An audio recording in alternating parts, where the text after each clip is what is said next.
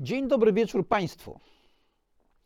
Ostatnio filozofowałem trochę. To znaczy, przynudzałem, umówmy się. O liberalizmie, o wolności, o sprawiedliwości. Więc dziś będzie o konkretach. Dziś będzie o pieniądzach. Many, many. Dzień dobry wieczór. Tu Gwiazdowski mój. Robert Gwiazdowski. A mówi Interi. Zapraszam do swojego podcastu. Zacznę może jednak od tego, że się trochę pochwalę i komuś pogratuluję. No, pochwalę się tym, że mam bardzo uważnych obserwatorów. No i pogratuluję obserwatorowi, który zwrócił uwagę, że te odcinki różne chyba były nagrywane w innej kolejności niż były puszczane. Otóż, proszę Państwa, przywaliłem sobie tłuczkiem w palec i on posiniał. No i ten siniak tak się przesuwa z dołu do góry, ale na którymś odcinku on był znowu niżej, a powinien być wyżej. Więc gratuluję. I teraz może się Państwo, niektórzy zorientują, że to, co przed chwilą powiedziałem, to była dogrywka. To była dogrywka, bo w pierwszej wersji e, ten palec pokazywałem inaczej i produkcja mi powiedziała, że tak nie wypada.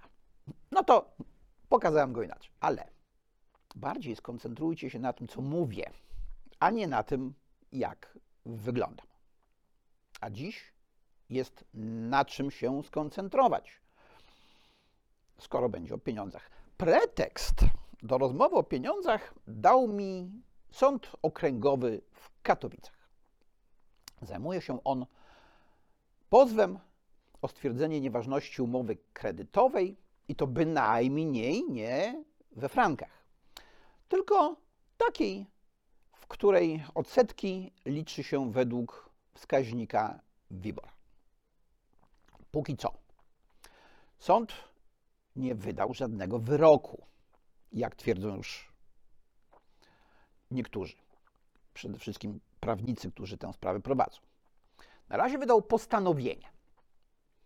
Po drugie, w tym postanowieniu to on nie rozstrzygnął, czy ten WIBOR to on jest abuzywny, czy on nie jest abuzywny. Powiedział tylko, że na czas trwania procesu to kredytobiorca może płacić bez odsetek raty. No i tu wracamy do podstawowego problemu. Problemu, skąd się biorą pieniądze. Wiadomo, pieniądze szczęścia nie dają. No, szczęście dają zakupy. I w tym trochę takim e, szowinistycznym powiedzeniu jest wiele prawdy. No bo proszę Państwa, nie potrzebujemy do niczego pieniędzy. Już o tym kiedyś mówiłem. My potrzebujemy coś zjeść, czegoś napić albo gdzie mieszkać. Tak się składa, że jedzenie i picie to wymieniamy na bieżąco, przy pomocy pieniądza oczywiście.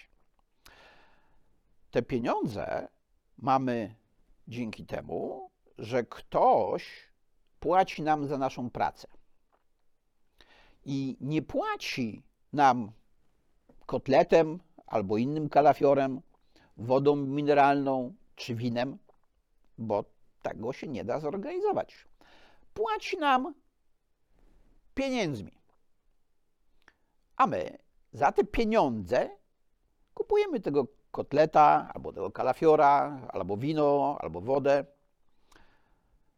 No ale to, co my na bieżąco tworzymy, kompletnie nie wystarcza na jakieś większe dobra, które byśmy chcieli, które potrzebujemy.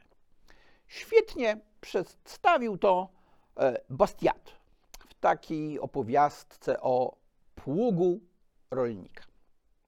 Otóż rolnik, jak chce kupić pług, to idzie do bankiera po pieniądze na pług z tego właśnie powodu, że produkuje te kalafiory, hoduje to mięso na steki, tylko ze zbiorów z jednego roku to mu może nie starczyć na pług.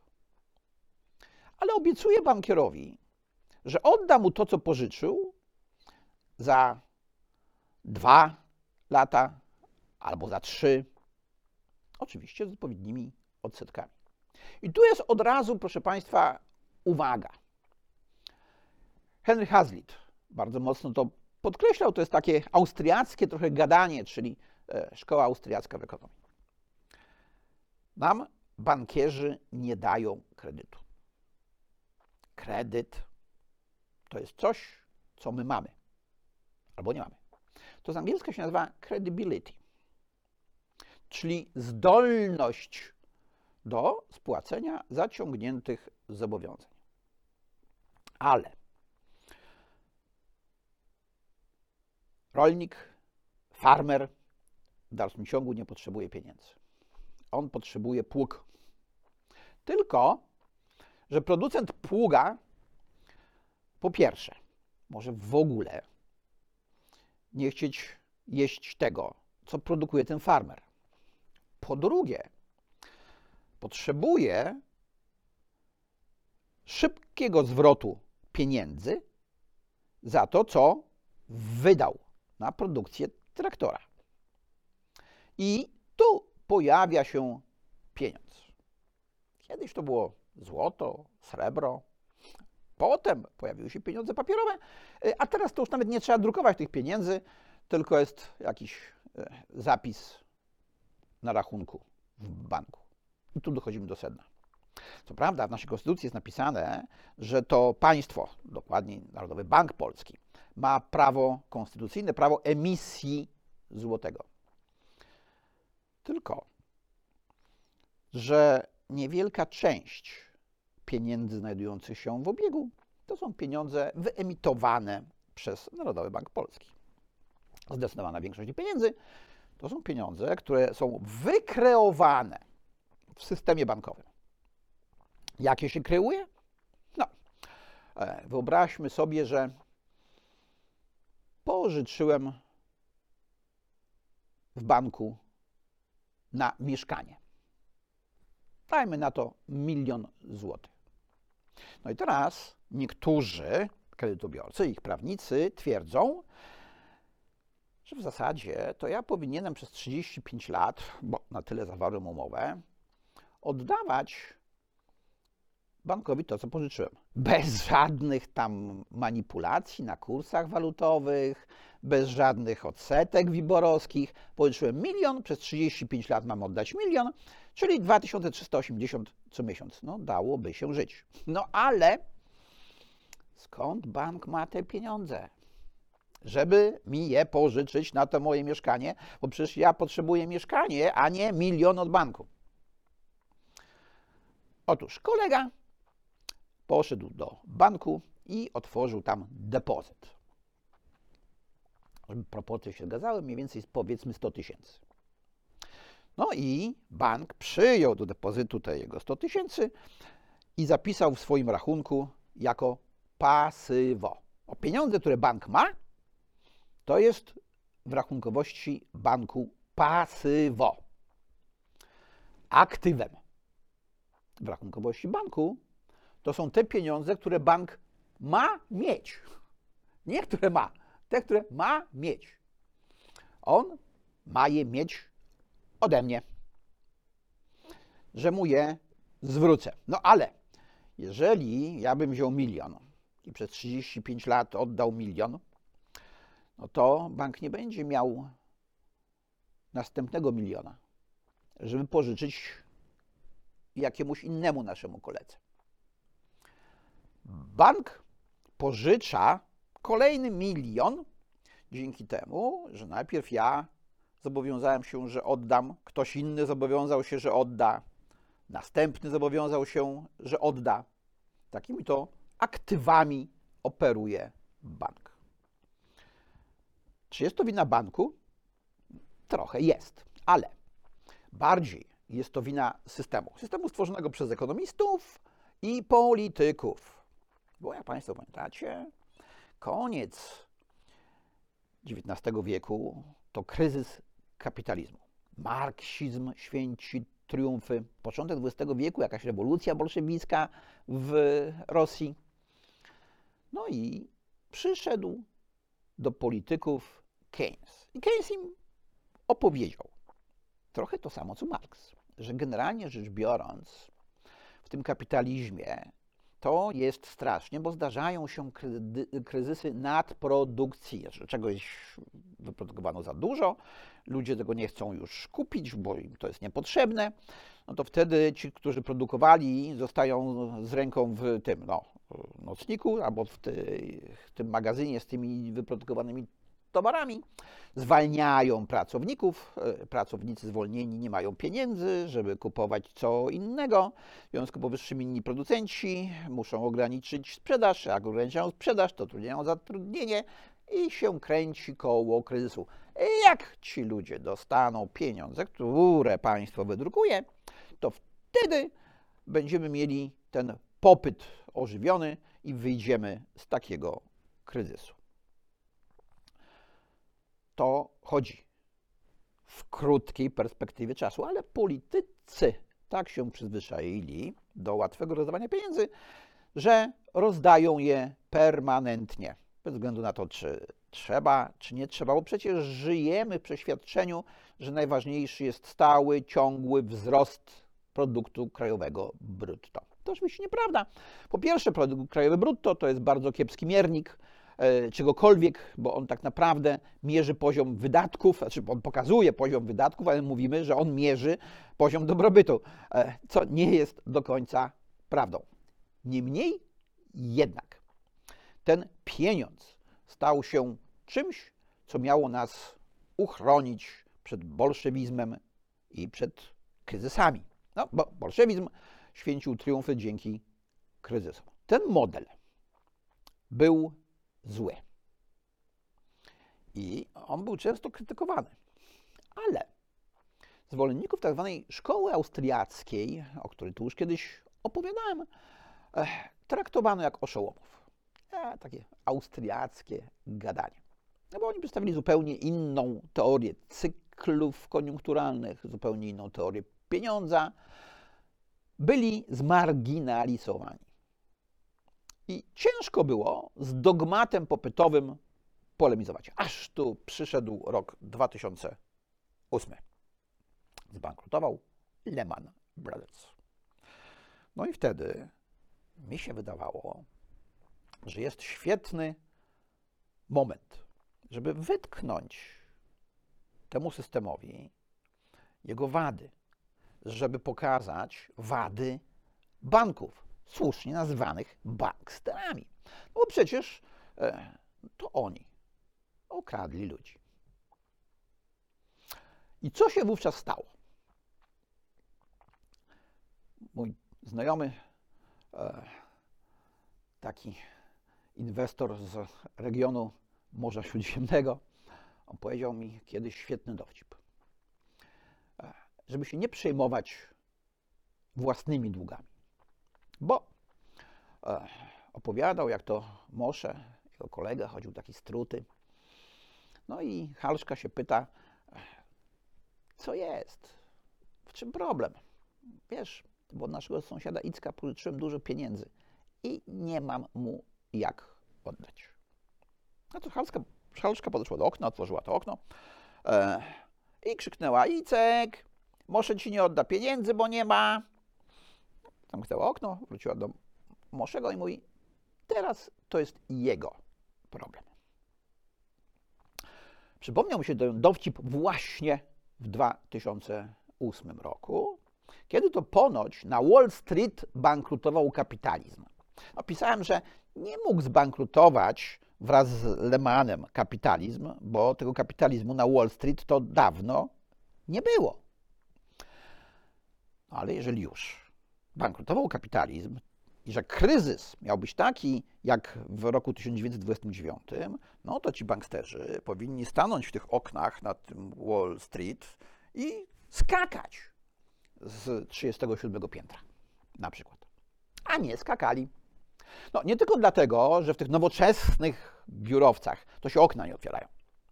E, wpadli na taki sam pomysł jak Halszka. Zwołali konferencję i powiedzieli: Halo, nie mamy waszych pieniędzy. Teraz to jest wasz problem. No i politycy, przyzwyczajeni do tego, że dobrobyt tworzy się w bankach, postanowili te banki ratować. Znaczy, banki, które okradły swoich klientów, zaczęli politycy ratować przy pomocy e, pieniędzy podatników, czyli drugi raz okradli ludzi. Najpierw banksterzy, potem politykierzy. Niestety okazja przypadła. Pomysł na to, żeby zrobić porządek z systemem, nie wypalił. Więc system się kręcił dalej. Przy pomocy coraz to nowych instrumentów różnego rodzaju. No, jak banki poczuły się tak pewne, to grzeszyły pychą. A nie bez powodu. Grzech pychy jest na pierwszym miejscu w katalogu grzechów głównych. Twierdzi się, że pycha kroczy przed upadkiem. No i grożą nam teraz upadłości banków. Oliwa sprawiedliwa na wierzch wypływa, tak by można było powiedzieć. Hmm, nie do końca. Dlatego, że z uwagi na to, jak skonstruowany jest ten system pożyczania pieniędzy, to obywatele zostaną, zostaną okradzeni po raz trzeci. Najpierw przez banki, potem przez polityków, żeby mieć pieniądze na ratowanie banków, a teraz przez prawników, e, którzy wykorzystują różnego rodzaju głupotę banków, żeby pounieważniać umowy kredytowe. Głupotę banków? Tak, tak, pycha kroczy przed upadkiem. Problem polega tylko i wyłącznie na tym, że te pieniądze na te mieszkania, które kredytobiorcy pokupowali, nie pochodzą od banków.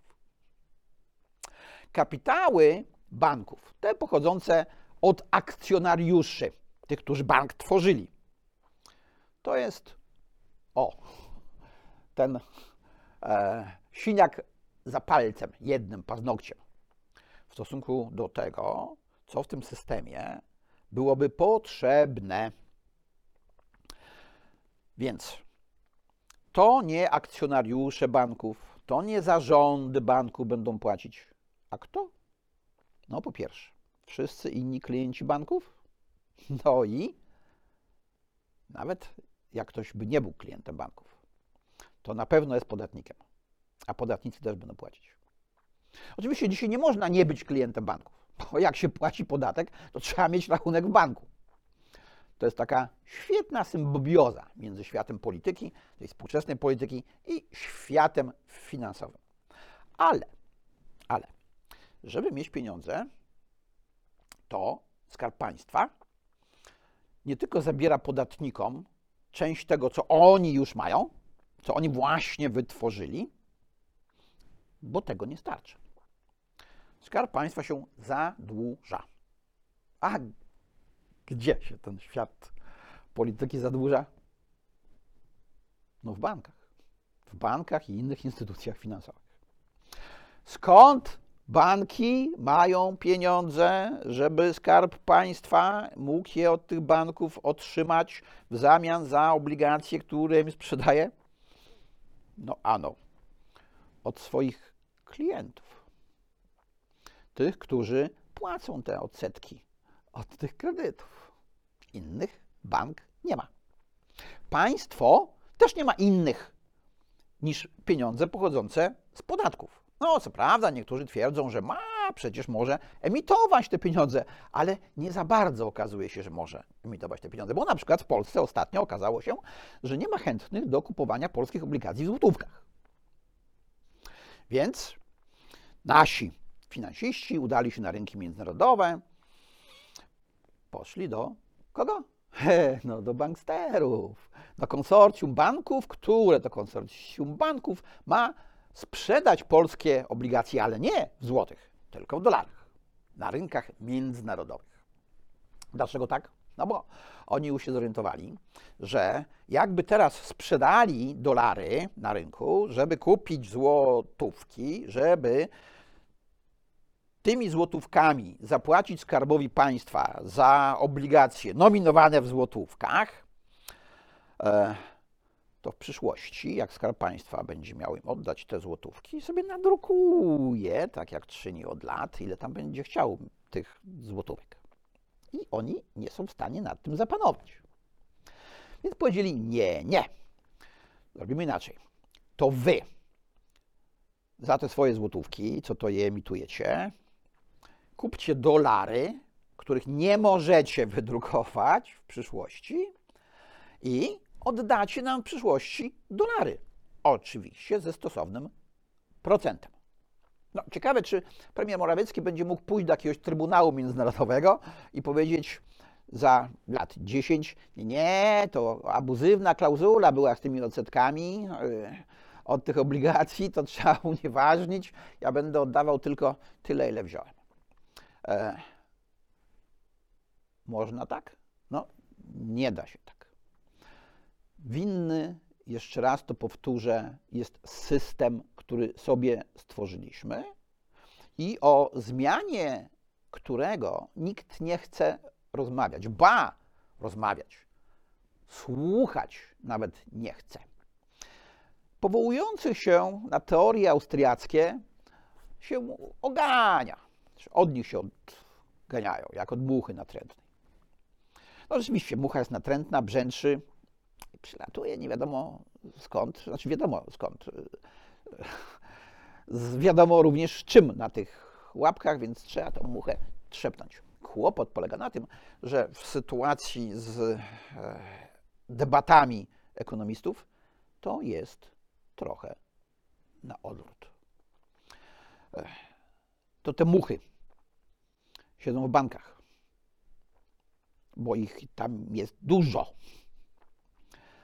Ci, którzy uważają, że można by to wszystko było zrobić inaczej, stanowią mniejszość. Ale ciągle słyszą tylko i wyłącznie jedno. To jest świetny system. Innego nie ma. Proszę zwrócić uwagę, proszę Państwa, jak zmieniało się życie ludzkie na przestrzeni wieków. A my dzisiaj zachowujemy się tak, jakby nastąpił już koniec ewolucji w kwestiach gospodarczych. Skończyło się w Bretton Woods, gdy ustanowiono nowy system monetarny. Ten system monetarny, e, też już to kiedyś opowiadałem, polegał na tym, że amerykański dolar był wymieniany na złoto, a wszystkie inne pieniądze innych państw były wymieniane na dolara. No ale Amerykanie, którzy mają prawo emisji dolara jako jedyni, natrzepali tych dolarów tyle, że w pewnym momencie e, prezydent de Gaulle powiedział: Nie, nie, nie, nie, nie. To e, my wam te dolary teraz odeślemy tymi statkami, a wy tutaj dawajcie nam to złoto, na które te dolary e, się wymienia. No i wtedy prezydent Nixon powiedział: Nie, nie, to korsarze tam są, więc my nie będziemy żadnego złota wam wysyłać. System upadł. A mimo to, że on upadł, to krzyczano dalej, że on jest świetny. I dyskutować ze świetnością tego systemu nie można było. A on świetny nie jest. No więc to nasze państwo będzie jednak w przyszłości musiało te pożyczki spłacić w dolarach. Dolarów nie będzie mogło wydrukować. Będzie musiało je kupić. Za co kupi? Za złotówki. Złotówki może wydrukować. No ale wtedy będziemy mieli jeszcze większą inflację. Więc nie skończy się tylko i wyłącznie na drukowaniu. Trzeba będzie wziąć pieniądze od podatników. Na co będą te pieniądze? Na spłatę obligacji, które to obligacje sprzedano między innymi dla ratowania istniejącego systemu. Tak jak już powiedziałem, to trzeci raz będzie, kiedy obywatele dostaną po kieszeni. Ale proszę Państwa, to nie jest tak, że banki są zupełnie niewinne. Owszem, banki sobie nagrabiły. Banki sobie nagrabiły, bo uważały się za święte krowy. Bez banków nie ma życia gospodarczego. Trochę jest w tym racji, w tym systemie, który właśnie opisałem, w tym głupim systemie, który opisałem. No tylko, że jako instytucje zaufania publicznego banki dysponowały przez lata całe bankowym tytułem egzekucyjnym. To znaczy, e, bank na podstawie swoich ksiąg wystawiał tytuł egzekucyjny i szedł z tym do komornika, żaden sąd nie był potrzebny. Komornik dostawał tytuł z banku, bank był jak sąd e, i egzekwował pieniądze z konta swoich klientów. No bo przecież klienci musieli mieć konta. Musieli mieć konta, bo taki jest obowiązek prawny, ustanowiony przez państwo. Między innymi zaczęło się od tego, że podatki można płacić tylko i wyłącznie z konta. Tymi y, złotówkami, które emituje Narodowy Bank Polski i które kreują w swoim systemie banki komercyjne. Więc klienci tego systemu finansowego, tych banków, są jakby zmuszani do posiadania rachunków. Jak mieliśmy jakieś tam pieniądze w skarpetce, to można było je zakopać, jakoś się schować. Teraz już nie można. Bank nam wsiadał na rachunek i zabierał pieniądze.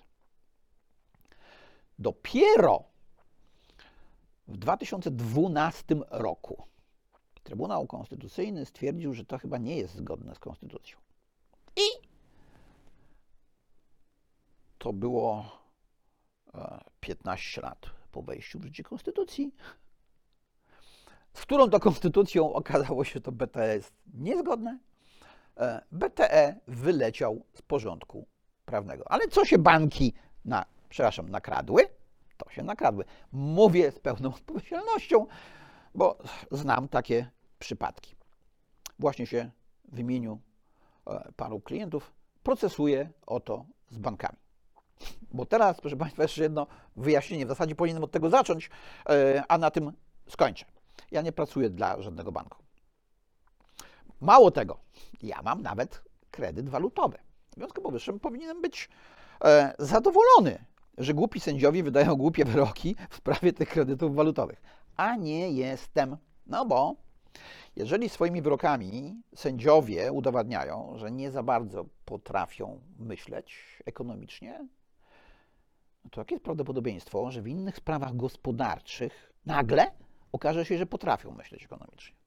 No jak w tej nie potrafią, to i w innych nie będą potrafili. A generalnie rzecz biorąc, w gospodarce więcej jest sporów e, o inne rzeczy niż o kredyty walutowe czy różnego rodzaju opcje, bo proszę pamiętać, że zanim pojawił się problem kredytów, pojawił się problem opcji.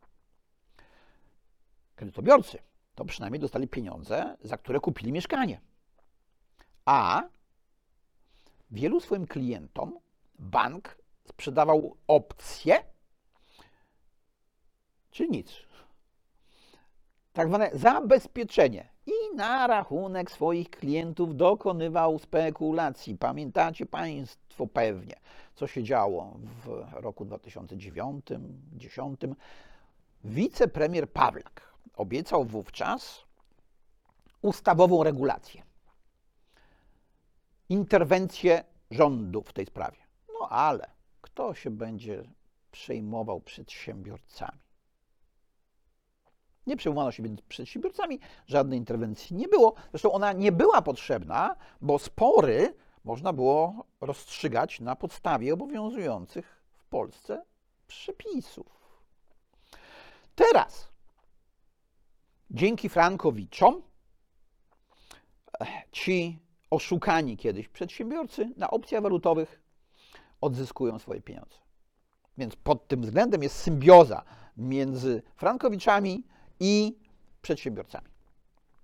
Bo jak już sądy orzekły, że te umowy walutowe są nieważne, no to e, taki instrument jak opcja walutowa też musieli uznać za nieważne, choć to dwie różne rzeczy.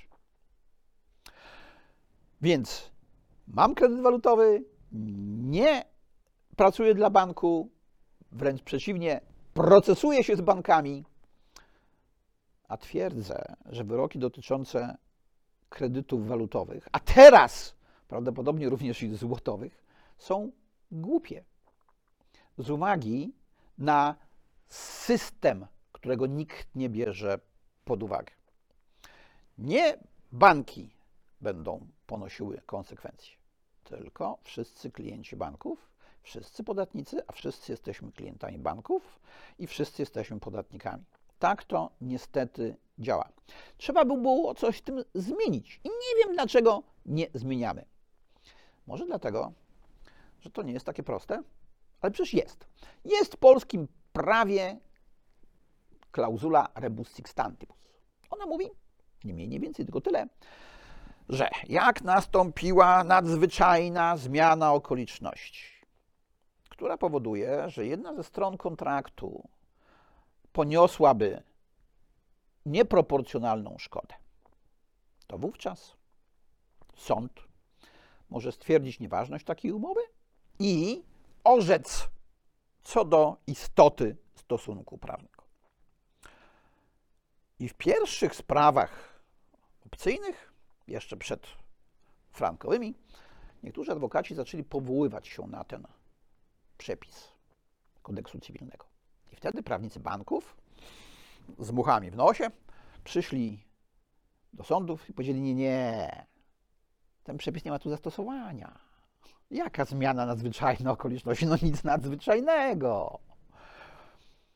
Nie dlatego, proszę Państwa, sędziowie nie orzekali na podstawie tego przepisu, że nie było żadnej nadzwyczajnej zmiany okoliczności, bo była, tylko z uwagi na ten trzeci punkt, mówiący, że sąd może orzec inaczej co do istoty stosunku prawnego. A co te bidulki mogły zrobić e, ci sędziowie, skoro oni nie mają zielonego pojęcia o tym, jak funkcjonuje gospodarka i na czym polega szwindel w całym tym systemie.